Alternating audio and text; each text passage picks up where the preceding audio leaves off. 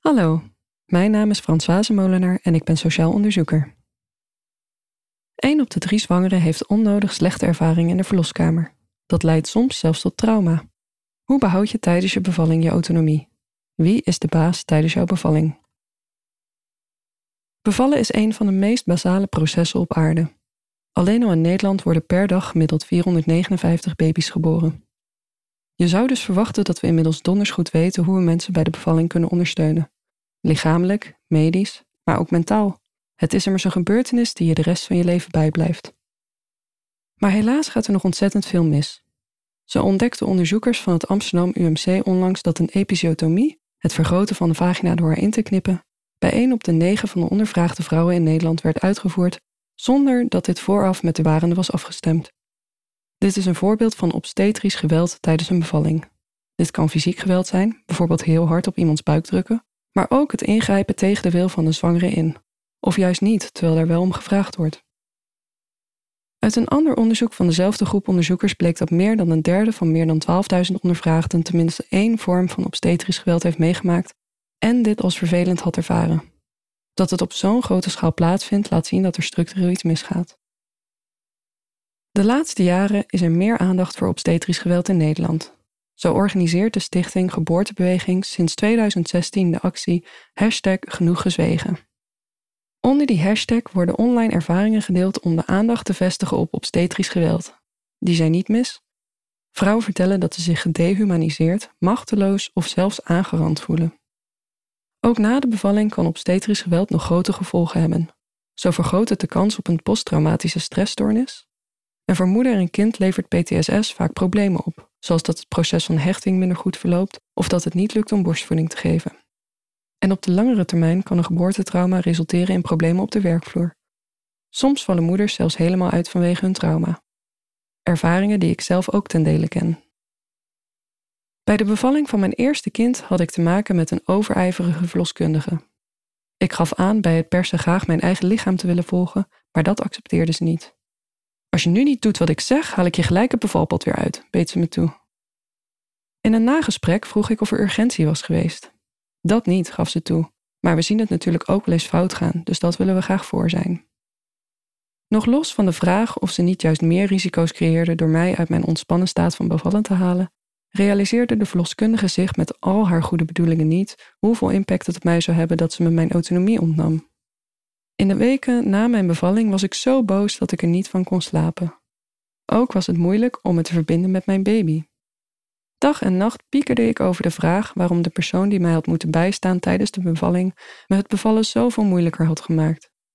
Mijn negatieve bevallingservaring stond daarbij zowel mijn herstel als de hechting met mijn kindje in de weg. De schrik sloeg me om het hart toen ik in mei vorig jaar zwanger bleek te zijn van een tweeling. Opnieuw lag ik nachtenlang wakker omdat ik straks weer in het ziekenhuis zou moeten bevallen. En een tweeling, dat betekent alleen maar meer protocollen en nog minder autonomie. Een veelgenoemd argument in de discussie rond bevallen en obstetrisch geweld is dat de veiligheid van kind en barende nu eenmaal voorop staat. Artsen zouden daarom vaak een protocol moeten volgen, ook als dat niet per se strookt met de wensen of autonomie van de moeder. Er is uiteraard veel te zeggen voor het belang van medische richtlijnen en protocollen. Die bestaan met de reden, toch? Naast het leveren van goede zorg dragen protocollen bij aan de efficiëntie door de standaardisatie van behandelingen en, niet geheel onbelangrijk, timmeren ze ook de aansprakelijkheid dicht door precies te beschrijven wie wat in welke situatie moet doen. Maar bevallen is een complex proces. Naast alles wat er gebeurt in je lichaam, wordt je bevalling beïnvloed door allerlei factoren. Hoe gesteund je je voelt, hoe veilig je je voelt in de omgeving waarin je bevalt, door alles wat je eerder op tv hebt gezien over bevallen, door de verhalen die je van anderen over bevallen hebt gehoord, je persoonlijkheid enzovoorts. Allemaal factoren die niet makkelijk mee te nemen zijn in een protocol dat standaard handelingen vastlegt. Wanneer je wat dieper de materie induikt, blijkt het wetenschappelijk bewijs voor bepaalde handelingen of ingrepen daarnaast vaak veel minder eenduidig of bestaat het zelfs helemaal niet. Er zijn in Nederland bijvoorbeeld zulke grote verschillen tussen ziekenhuizen en regio's qua hoe vaak er wordt ingeknipt, dat er duidelijk ook sprake is van een bedrijfscultuur bij het uitvoeren van dit soort handelingen. Soms kunnen standaardpraktijken zelfs nadelige gevolgen hebben. In de afgelopen decennia is er bijvoorbeeld een trend ontstaan waarbij de hartactiviteit tijdens de bevalling continu in de gaten gehouden wordt. Wel zo veilig, zou je misschien denken. Maar studies laten zien dat dit vaker leidt tot bijvoorbeeld keizersnedes, met meer nadelige gevolgen voor moeder en kind, zonder dat dit over de hele linie leidt tot veiligere bevallingen. Dit soort informatie werd niet met me besproken toen het protocol voor bevallen met een tweeling op tafel kwam. Net als veel andere zwangeren ging ik daarom zelf op onderzoek uit. Online kwam ik erachter dat er vaak veel meer kan dan op het eerste gezicht duidelijk is. Zo adviseert de geboortebeweging zwangeren over hun rechten en over wat ze van een zorgverlener mogen verwachten. Via Instagram en TikTok delen verloskundigen zoals vroedvrouw Margot onderbouwde verloskundige informatie en de voor's en tegens van de verschillende ingrepen die je tijdens een bevalling kunt tegenkomen. Doordat ik die informatie zelf moest vinden, kreeg ik alleen wel het gevoel dat ik me moest wapenen met kennis om te mogen bevallen op een manier die voor mij het meest ontspannen en veilig voelt. Het maakte de angst voor het ziekenhuis en het gevoel daar geen stem te mogen hebben alleen maar groter. Die angst werd nog verder aangewakkerd door de Facebookgroepen en influencers die het hebben over bevallen.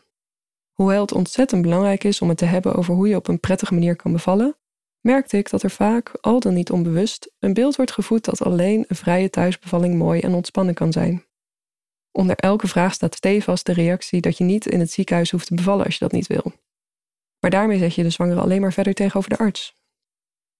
Online wisselen vrouwen ook regelmatig namen uit van ziekenhuizen en artsen die veel meer openstaan voor een individuele aanpak. Een van hen is gynaecoloog Koen Durlo in het Utrechtse Diakonessenhuis. Deze gynaecoloog liet in 2017 de eerste vrouw in Nederland zelf haar baby uit haar buik tillen bij een keizersnede. Na een eerdere traumatische bevalling konden de ouders op deze manier zonder angst de nieuwe bevalling ervaren. Ik spreek met hem over een aantal dingen die vrouwen zelf kunnen doen om de regie terug te pakken tijdens hun bevalling. Een eerste stap is om je goed in te lezen en een bevalplan te schrijven, geeft hij aan. Op die manier weet je wat je kunt verwachten en kun je ook goed terugkoppelen aan je verloskundige wat jij belangrijk vindt en met welke angsten je mogelijk rondloopt. Toch zitten hier ook wel een paar haken en ogen aan, weet ik uit eigen ervaring. Zo kost het veel tijd om een individueel plan op te stellen en te volgen, zowel van jezelf als de arts, zeker als dat plan afwijkt van het protocol. Daarnaast kan het stress opleveren wanneer je wensen niet overeenkomen met wat de arts aanbeveelt. Een bevalplan kan je het gevoel geven dat je zelf op de stoel van de arts moet gaan zitten om te onderzoeken wat nu echt veilig is in jouw unieke situatie. En als de bevalling toch niet volgens plan verloopt, wat heel vaak het geval is, dan kan dat voor teleurstellingen zorgen. Het kan daarom ook helpen om een coach, zoals een doula, naast je te hebben staan tijdens je bevalling. Dat is een niet-medische zorgverlener die er is om jou te steunen, je grenzen te bewaken en je wensen kenbaar te maken op een moment dat je zelf diep in je baringsproces zit. Durlo ziet in de toenemende aanwezigheid van doula's zelfs een oplossing voor het gebrek aan één-op-één begeleiding die in de zwangerschapszorg vaak niet mogelijk is door personeelstekort. Een andere mogelijkheid, een waar ik zelf voor koos, is om te werken met een verloskundige die werkt met het zogenaamde caseload-model. Deze verloskundigen nemen minder cliënten aan, waardoor ze die één-op-één begeleiding wel kunnen leveren. Zo hoefde ik me niet meer druk te maken over welke arts er in het ziekenhuis dienst zouden hebben tijdens mijn bevalling. Mijn caseload-verloskundige zou er sowieso bij zijn. Toch komt de vraag regelmatig bij me op of dit nu echt de oplossing is voor een institutioneel probleem zoals obstetrisch geweld. De caseload-verloskundige, die ik uit eigen zak uiteraard een flink stuk moet bijbetalen, is niet voor iedereen haalbaar. Hetzelfde geldt voor het meenemen van een doula, wiens kosten ook niet door de basisverzekering gedekt worden. Het legt de verantwoordelijkheid bovendien wel erg bij de barende zelf. Hoewel je zelf dus veel kunt doen om je bevalling prettiger te laten verlopen, blijven dit soort oplossingen symptoombestrijding. Het systeem, zonder maatwerk en met protocollen die overduidelijk te veel ruimte laten voor grensoverschrijdend gedrag, moet om. De academische literatuur geeft aan dat de sleutel deels ligt in communicatie en autonomie.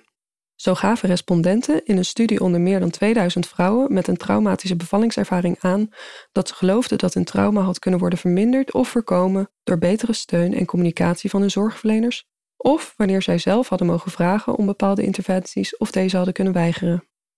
Ik spreek hierover met Marit van der Pel, auteur van de eerder genoemde studies naar obstetrisch geweld in Nederland. Veel protocollen zeggen helemaal niets over of en wat er gecommuniceerd moet worden, ligt ze toe. Daar ligt een eerste concrete stap voor verbetering. De eerste hoogleraar verloskundige wetenschap van Nederland, Ank de Jonge, onderstreept in haar onderzoek daarnaast het belang van watchful attendance. Waakzaam aanwezig zijn betekent dat de verloskundige of gynaecoloog zich niet alleen bezighoudt met het monitoren en actief begeleiden van de bevalling, maar ook veel meer simpelweg in de ruimte is en observeert hoe het met de barende gaat en wat zij nodig heeft. Het doet me denken aan het moment tijdens mijn eerste bevalling toen ik, diep in een perswever zuchtte. Het gaat goed, ik voel dat het goed gaat. Dat was het moment dat de verloskundige eindelijk wat meer achterover durfde te leunen.